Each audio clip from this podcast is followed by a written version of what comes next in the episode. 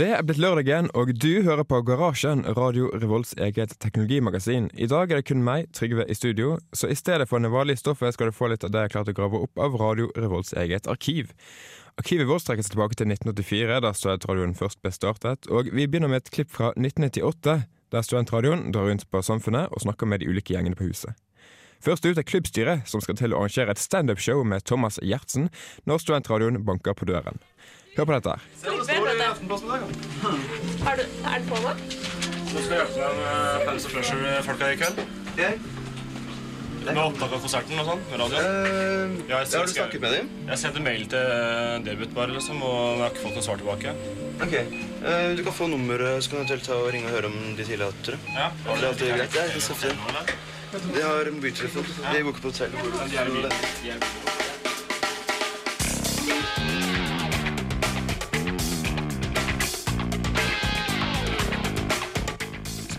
Studentradioen. På rundtur i det runde huset hun, Hundehus. Nei, ø, Studentradioen.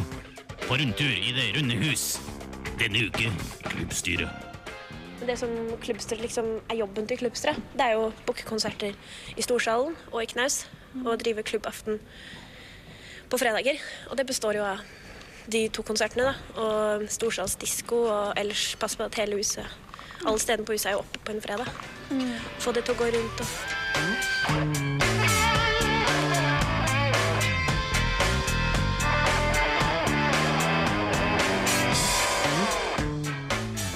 lang er bindingstiden i klubbstyret? Er det to år som andre gjenger? Ja, to år, ja. Så det Det er fordi at man, man bruker nesten et år på opplæring i, i ting og tang. Så det, man trenger absolutt det. Altså. Men uh, vi har jo en del midtukekonserter også. Så um, det er mest på konsertene da, som jobben er, er relatert mot. Ellers så driver vi jo biblioteket. Det gjør vi jo. Ja. Det må vi ikke glemme. Vi har jo en egen bibliotekar også. Torbjørn, er det tilfeldig at det er eh, akkurat klubbstyret som befinner seg bak tonnevis på tonnevis med bøker? Nei, det tror jeg nok ikke. Vår eh, enorme kunnskap innenfor Nei, nei eh, bøker Det er slik at biblioteket har liksom vært klubbstyret sitt ansvar. Mer pga. plasseringa enn pga. Uh, tradisjon. Men her liker vi å sitte og se litt på ukeplakater. Bla litt tegneserier. Vi har jo Norges største offentlige tegneseriesamling her. Og det går også an for alle medlemmer å låne bøker her. hvis de har lyst til det. Vi har stort sett det meste og kjøpe inn det nyeste av alle bøker. Det vet vi mye om siden jeg er bibliotekar i klubbstyret.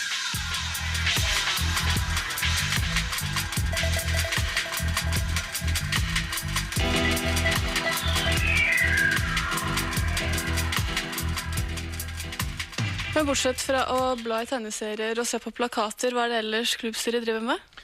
Klubbstyret har først og fremst ansvaret for eh, konserter, på, eller arrangementer, på fredagskveldene på eh, Samfunnet. Det vil si at det er vi som setter opp programmet, eller finner ut hva vi vil gjøre. Vi booker inn artister, eller, og vi eh, står for den tekniske gjennomføringa av arrangementet. Det vil si at vi møter opp her og lager mat og kaffe og henter artisten. Og vi gjennomfører konserten. Passer på at folk har det bra, sitter i luka, og vi etterpå så hiver vi ut alle sammen som har vært der. Sila, med andre ord. Det er en flott jobb. Det er vel kanskje det artigste av alt. Ja, du får en litt sånn maktfølelse da, vet du. Når du liksom kan si at du får komme inn, du får gå ut, du får komme inn, du får gå ut.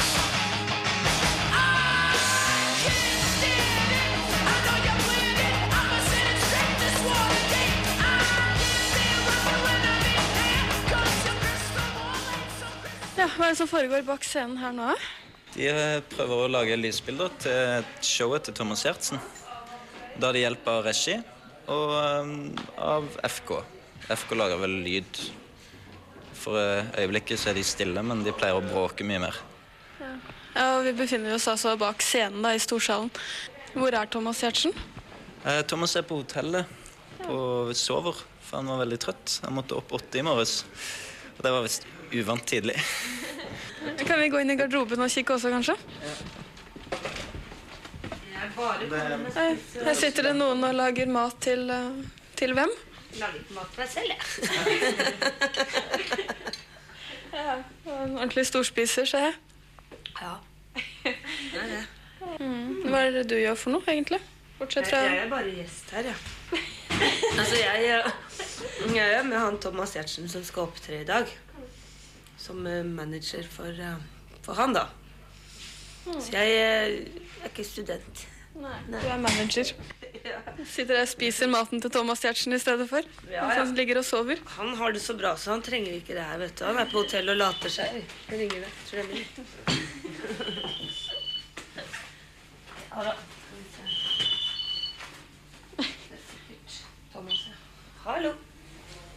Hei hå. Er det Thomas?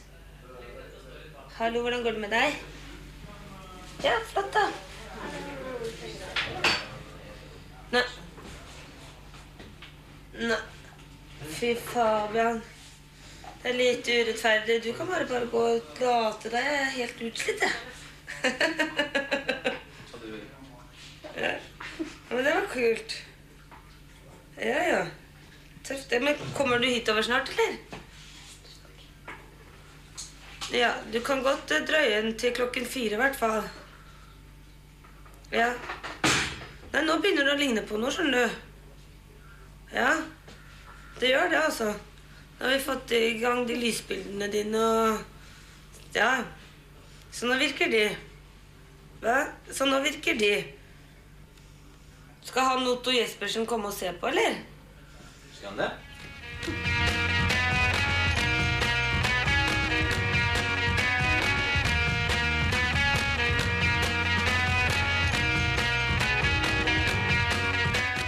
Men man får jo møtt en del kjendiser også når man er med i klubbstyret. sånn. Tror du det er grunnen til at mange søker klubbstyret? Jeg ble med pga. det. Særlig pga. å møte Thomas Gjertsen i kveld. Det har jeg gledet meg til siden jeg var lite barn. Altså, Thomas Gjertsen er liksom Han er, han er min stjerne. Ja, det, det som jeg syns var mest stas, det var når jeg møtte hun Skinny Skankinenser. Det var litt morsomt, da. For at hun, og det, når du ser henne liksom på MTV og sånn, så har du liksom følelsen at hun er drithøy. Og at hun er liksom kjempespesiell og helt vill og gæren. Ja, i hvert fall helt sånn litt gal, ja. Men hun var jo knøttliten og helt beskjeden og stille, akkurat som alle andre. Så det var litt rart, da. Yes. Så det har vært morsomt å prate med henne om alle andre ting enn hennes karriere, liksom. Så det er litt morsomt og liksom Det er litt fint å finne ut at kjendiser de er ikke noe annerledes enn en selv.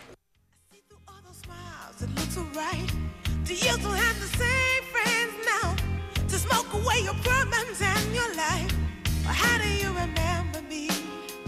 Alle ønsker seg jo at det bare er å ringe, hoppe på telefonen og ringe opp Noel Gallagher i Oasis og si hei, vi tilbyr masse penger. Og så merker du, vet lærere at det er faktisk veldig ofte pengene er, altså at veldig ofte at pengene er helt ubetydelige. Det, du kan si det, det, det er artister som er så rike at, at eh, 200 000 fra eller til gjør ingenting. Så du skulle gjerne likt å ha et Oasis her, altså? Vel Det er vel, eh, var vel de største i bransjen ved siden av Spice Girls. Og et par av de andre som Det er bare for å ta det mest umulige navnet.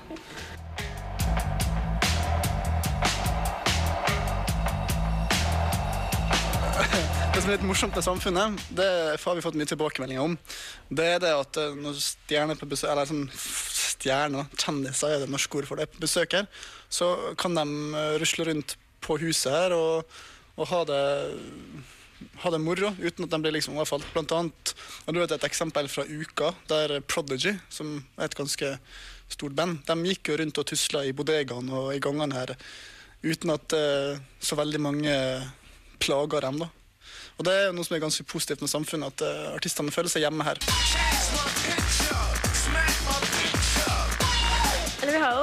En historie, da. Det var eh, Det var vel uh, Belcanto, tror jeg var, som var her. Det er to år siden eller sånn. Så var det en klubbstyregutt som vi, det, vi, klokken, vi stiler jo ikke sant? etter klokken tre. Da kaster vi ut alle.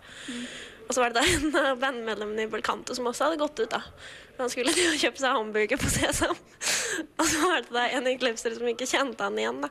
Så han nektet han å komme inn, så han måtte stå utenfor og vente i kulda i snøen og kom ikke inn. Var litt morsomt. Og han fikk da et spark i magen når han prøvde å tvinge seg inn. Og det var denne klubbstyregutten som sparket han i magen. Ja, så de klubbstyrer er også voldelige, altså? Nei, men han var veldig Han var ganske bråkete.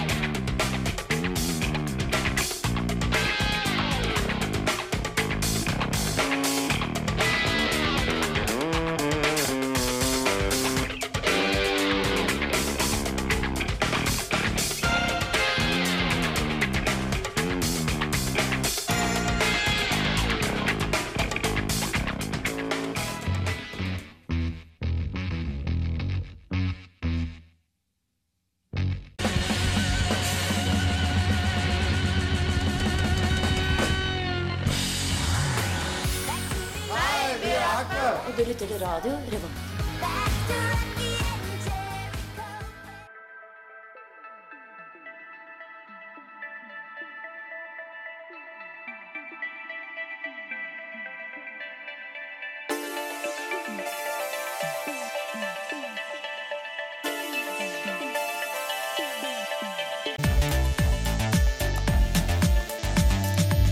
Der hørte du Jack White med Lazaretto og deretter Ames med On Holiday. Du hører fortsatt på Garasjen. Dette her er Radio Revolt.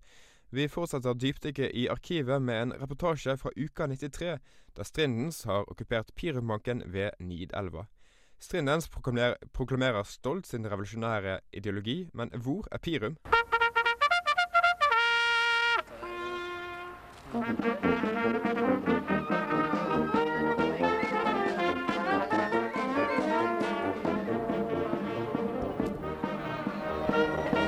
Og Det er en utrolig spent situasjon nede ved Nidelva her i dag. Strinden skal nemlig annektere den tidligere Pirumbanken fra koret Pirum. De har vært over en gang med satt uh, i land fanestøtte, og nå er de ute i båt med fanen. Oi, der går båten på grunn! Hva vil det her til? Pirum De to fra Strindens ut i båt. De vasser inn på området her. Og nå ser det ut som vel Nå ser det ut som om uh, fanen virkelig vil uh, heves høyt på banken her.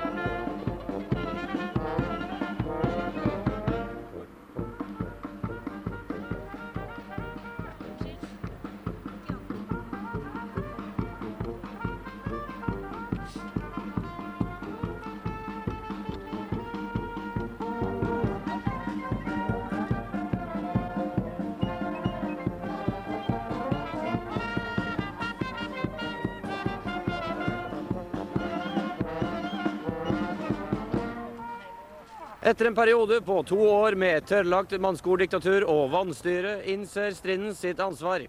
Staten har hatt total mangel på styring, og det lille som har vært, har vært konstitusjonelt, diffust og fullstendig uten rot i historiske demokratiske tradisjoner. Staten har vist liten evne til tilpasning i et dynamisk samfunnsmiljø med stadig nye krav til internasjonalisering og multilateralt samarbeid. Som eksempel kan nevnes at rundebordskonferanser ikke har blitt avholdt på statens territorium en eneste gang. Fra stridens side har diplomatisk håndverk og demokratiske prinsipper for kontakt mellom suverene stater til nå vært nytteløst, og opinionen i den frie verden har i den senere tid stadig gått mer i favør av en aktiv intervensjon for å frigjøre befolkningen i denne pressede staten. Det er med sorgfullt hjerte vi innser at det nå har kommet så langt at tungtveiende argumenter for ikke å innføre et nytt styresett ikke lenger eksisterer. Valgstyret kan ikke lenger fortsette, og samtlige av Strindens militærmarsjer er satt i alarmberedskap. Strindens forsvarsdepartement kan bekrefte at det vurderes å utruste en full messingbrigade med Wilhelm Tell-overtyren under ilddekket fra Strindens feltartilleri med sine fryktinngytende, hurtigrepeterende Susa-marsjer, der spesielt Stars and Stripes ventes å kunne spre taktfull forvirring og frustrasjon blant undertrykkerne. Dersom aksjonen blir vellykket, vil statens nye navn høyst sannsynlig bli Strindens Sparebank. Allerede i løpet av den nye statens første timer forventes det, et, forventes det at sløyfepåbudet oppheves og erstattes av et mer generelt kokkebuksersjakett, blå hvitstripete genser og vest med bøtens påbud. Dette medfører at den årlige spiseplikten som tidligere gjaldt under det totalitære styret, under Strindens Sparebankstyre bortfaller. Strindens Sparebank vil føre en liberal asylpolitikk både på et kulturelt og kjønnslig plan. Dette vil sikre en forplantningsdyktig populasjon, og en forventer ikke en politisk stagnasjon med påfølgende uro, slik tilfellet var under styret til det forplantningsudyktige mannskoret Pirum. Takk. Ubrutt mark skal slås og ryddes. Nye generasjoner skal komme til. Vi skal få en Levedyktig stat. med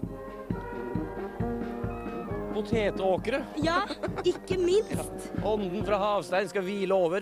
Ja, Ja. det skal den. Riktig. Det var vel egentlig det vi har planlagt, da. Hvorfor er det nødvendig å gå til denne uh, annektasjonen, annekteringa? Ja, selvfølgelig fordi at eh, Pirum overhodet ikke har greid å styre, styre staten på en fornuftig måte. Da. De har jo ikke tatt ansvaret, og striden Strindens er sin oppgave bevisst. Tar ansvar, okkupere Pirumbakken. forhenværende Pirumbanken.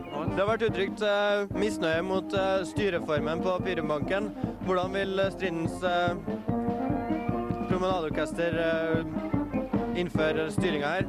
Ja, det vil sannsynligvis bli et eh, demokratisk anarki. Et demokratisk anarki. Ja, et demokratisk anarki. Asylpolitikken hørte vi litt her om i sted. Ja. Er den eh, knallhard? Nei, veldig liberal. Veldig liberal asylpolitikk. Alle er velkommen, og eh, vi er interessert i å, at populasjonen skal øke, da. Så fort som mulig, egentlig. Selv om de ikke spiller noe med messing på? Ja, vi har jo treblåsere i Strinsvoll, så Har dere sett noe til motstanderne her? Nei, overhodet ikke. De har vært totalt fraværende. Men det er jo i tråd med sånn det har vært de siste to åra, det, så Det er kanskje et uttrykk for at det ikke er så veldig mye vilje hos Pirum til å ha kontrollen over området her. Nei, det virker jo ikke sånn i det hele tatt. Det virker jo som om Pirum eh, fullstendig har eh, overlatt eh, landet til sitt eget forgodtbefinnende. Hvordan vil det bli med diplomatiske forbindelser til andre stater? Ja, vi regner med å føre et, eh, et samarbeid basert på de prinsipp som suverene stater har for samarbeid. At man eh, snakker sammen og liksom legger problemer på bordet og får, får ting ut i, i lyset. Er det noe Her kommer luftvernartilleriet inn, og det er en utrolig spent stemning her. Er dette en glad dag for dere i Strindens? Det er en veldig glad dag for oss i Strindens. Men er det ikke Vi har sett fram til det her lenge, og nå er det endelig gått i oppfyllelse. Hvordan er bevæpninga her i dag? Ja, vi har eh, de uh, skarpladde susamarsjene som eh, beskrevet eh, tidligere, og eh, vi har eh, skarpe, gjennomtrengende trompetfanfarer og litt av hvert da, som skal gjøre, gjøre susen her. Jeg skal gjøre susen. Det har vært litt eh, spredte eksplosjoner og bombardementer her. Er det fra Pirum, eller er det bare utenforstående geriljatropper som vil bare benytte seg av situasjonen? Ja, Vi har ennå ikke sett eh, noen Pirum eh, her, da, så det må nok bare være tilfeldige opprørere mot eh, rettferdighetens eh, hånd. Her hagler det med snøballer ovenfra, og det kommer faktisk ikke fra Pirum, det kommer fra, så vidt jeg kan se, egne soldater. Er ikke er et uttrykk for at det er misnøye innad i syns uh, En utbrytergruppe, ja? Dere er ikke så samla som dere gjerne vil fremstå? Og jo da, dette her er selvfølgelig kun en øvelse da, i tilfelle flankeangrep eh, fra oven her. Men man skyter ikke på sine egne for å øve? Jo da, dette er bare dummier som vi eh, får ned her. da. Det er eh, helt ufarlige eh, ting. Som vi hører, har Strindens et eh, stort ønske om å fremstå som en samla og helhetlig gruppe. Men det kan jeg reise sterkt tvil om.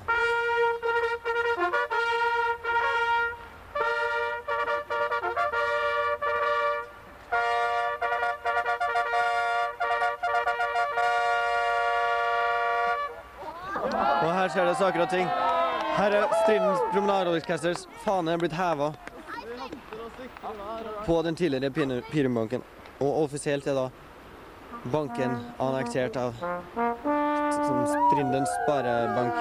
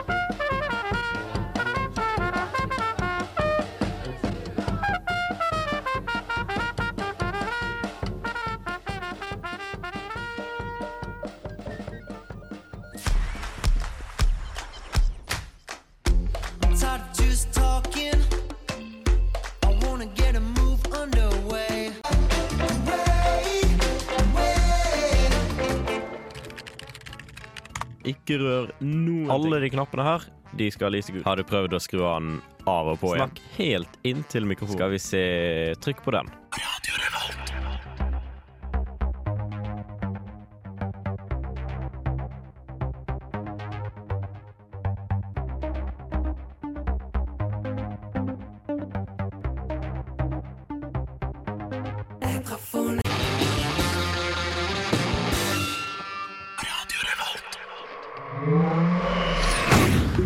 Du skal få ukens teknologinyheter her i garasjen på Radio Revolt.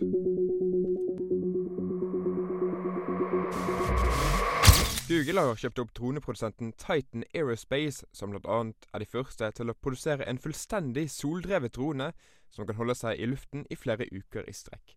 Facebook er en av dem som har kjempet med Google om å få kjøpe opp selskapet. USA har fått tillatelse fra det japanske togselskapet JRTK til å bruke deres Maglev-teknologi uten ekstra kostnader. Maglev-teknologien bruker magnetisme til å drive togene fremover, og Maglev-tog kan kjøre opptil 500 km i timen. Noen håper at en ny toglinje nordøst i USA kan komme til å bruke Maglev-tog, nå som teknologien er blitt gratis. Organisasjonen ICAN, som styrer domenesystemet på internett, har lansert flere hundre nye såkalte toppdomener tilsvarende .com og .no. Blant de nye finner man geografiske toppdomener som .moscow og .köln, men også toppdomener som .vodka, .christmas og .pub. Google har nå klart å knekke sine egne captchaer, og antar at spammere ikke ligger langt etter. Captchaer brukes på nettsider til å verifisere at brukere er mennesker og ikke maskiner.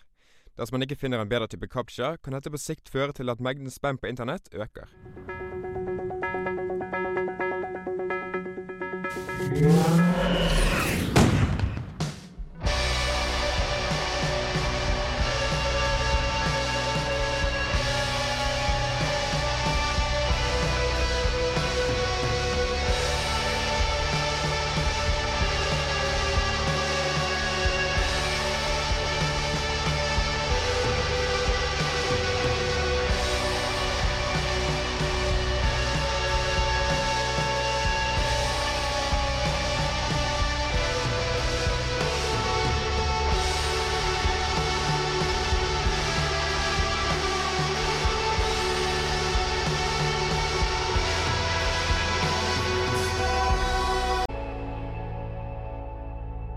Øystein Dolmen, du var med sånn delvis i ukesenderen i 1967.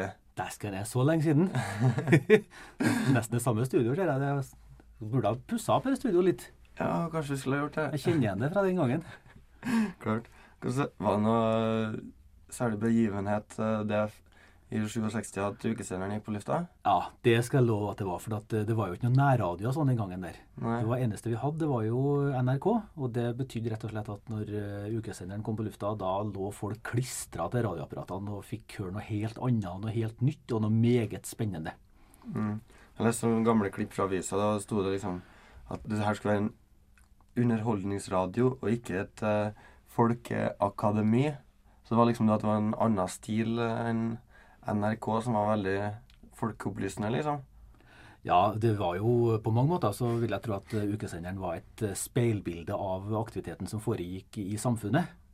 Og den aktiviteten var jo til dels meget underholdende, tør jeg påstå. Og Mm. meget sterk. Hvordan eh, drev dere og jobba her i 67? Nå må jeg kanskje tilstå det at, at jeg var jo egentlig ikke med i ukesenderen, for redaksjonen var allerede etablert. Og han som var ukesjef, det var Øystein Singsås, som nå er sånn eh, pressesekretær for, eh, for Gro Harlem Brundtland. Han drev den ukesenderen sammen med nåværende professor Skjeflo på sosiologi oppe på Dragvoll. Men så ville tilfellet at, at eh, de toene der Ja, det ble liksom ikke noe radio med det. De, de fikk aldri somla seg til å lage noe radio. Så tilfeldigvis så var Gustav Lorentzen og jeg var rundt omkring i traktene og sånne ting, så vi, det var vi som laga ukesenderen da, og steppa inn for dem, mens de andre satt og gjorde andre ting rundt på hyblene her. dere bare tok over? Ja. Noen måtte jo lage program, ikke sant? Ja. Så, så vi starta da med å, å lage eh, barnetime. Vi laga barnetime faktisk eh, gjennom hele perioden. Hvor ofte hadde dere sendinger om dagene i 67? Eh, Det var jo sending hver dag, da. Men eh, vi fikk ikke eh, komme på lufta før NRK var ferdig med sitt program. For at de klarte ikke noe konkurranse og sånne ting. For at de ville blitt konka tvert ut, selvsagt. Selvfølgelig. Så starta vi når NRK var ferdig. I den tida 67 så var jo NRK ferdig i titida. For at det var ikke radiosendingene lenger. Så vi var i gang, og så holdt vi på utover natta til teknikeren slukna. Klart. Var det ikke mange som eh, jobba i den eh, Var det mange som jobba i redaksjonen der, da? Ja, det var, det var da han eh, professor Schäflo Altså han var ikke professor den gangen, da, selvsagt. Han student Schäflo og Øystein Singsås. Og så var det to kvinnfolk. Det var derfor de, ikke fikk laga noe program, skjønner du. For at ja, det var liksom sånn kjønnsfordeling som gjorde at det var totalt handlingslammelse. Så i praksis da så var det, var det to teknikere som gikk på skift, og så var det Gustav Lorentzen og meg som gjorde det der. Var det da du og Gustav Lorentzen begynte å spille sammen? Hadde dere eh, laga ting før? Sånn? Mm, Vi hadde for så vidt begynt å spille litt tidligere, men eh, da ukesenderen gikk på lufta, så viste det seg at det var et enormt behov for program. Så eh, vi satte oss ned og så laga vi en tre-fire låter hver dag som vi fremførte på ukesenderen. Tre-fire låter hver dag, det blir ganske mye, det. Gikk ganske kjapt for seg, ja, men vi fikk jo et enormt repertoar. Vi hadde jo 150 låter vi før uka var ferdig. Har du snakket om noe rettssak òg fra den tida? Ja, det var jo det var ikke vi som var i retten, da, for det, var, det var faktisk omtrent det eneste han Øystein Singsås gjorde i forbindelse med ukesenderen. Det, der, det var å, å sitte i retten. for eh, nei, det hadde seg sånn at eh, Rosenborg eh, kom til noe cupfinale eller noe sånt det året. Og så da, som, som nå, så er det en del sånn fans som reiser nedover. Men fansen eh, reiste med tog, og de eh, tok toget fra Trondheim og skulle nedover til Oslo, men så raserte de toget sånn at eh, mesteparten av gjengen ble kasta av på Oppdal allerede. Og vi la merke til det at, at det var samme eh, referatet fra kampen i Arbeideravisa som det var i Arbeiderbladet. Hvorpå vi trakk den elegante konklusjon at journalisten fra Arbeideravisa ble kasta av toget på Oppdal. Og da ble det rettssak. For det tålte de ikke. vet du. Det er ikke noe fint å påstå det at en journalist blir kasta av toget, toget pga. fyll og Nei, det, det, det sa vi ikke. Vi sa bare at den ble kasta av, vi. Så enhver fikk jo trekke sin egen slutning, men, men vi syns jo at vi fikk gjort en, en liten innsats. For vi fikk jo aktivisert han Øystein Singsås da, på et vis, sånn at han jo fikk en måte representere ukesenderen litt.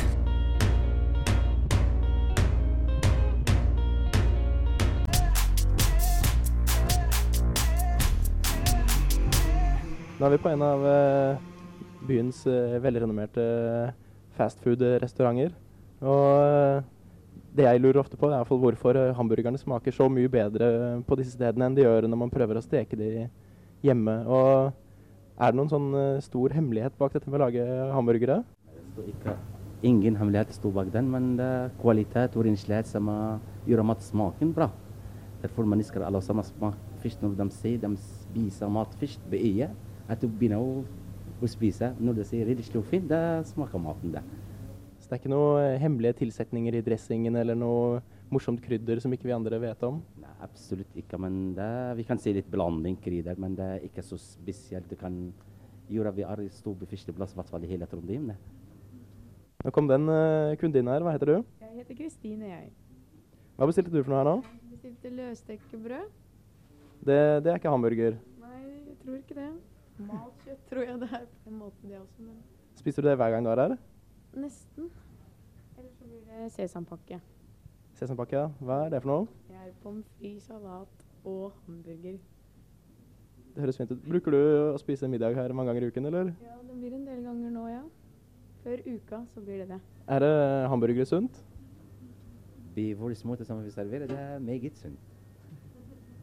Vi serverer med ferske grønnsaker, ferske tomat, ferske agurk. Ikke noe usunt. 100 produkt vi serverer. Så hele næringskjeden er dekket hvis man spiser en hamburger herfra?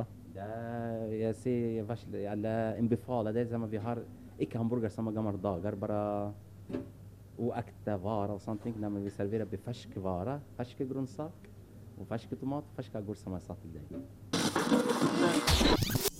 Radio Revolt.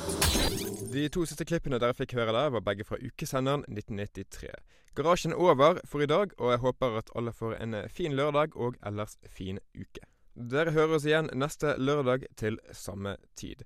Husk at vi kan kontaktes både på mail, garasjen at radiorevolt.no, og på SMS. Bare send en tekstmelding til 2030 med kodeord RR og beskjeden din. Nå Helt til slutt skal vi høre Stian Vesterhus og Pale Horses med låten 'Nights and Sleepless Days' her i garasjen på Radio Revolt.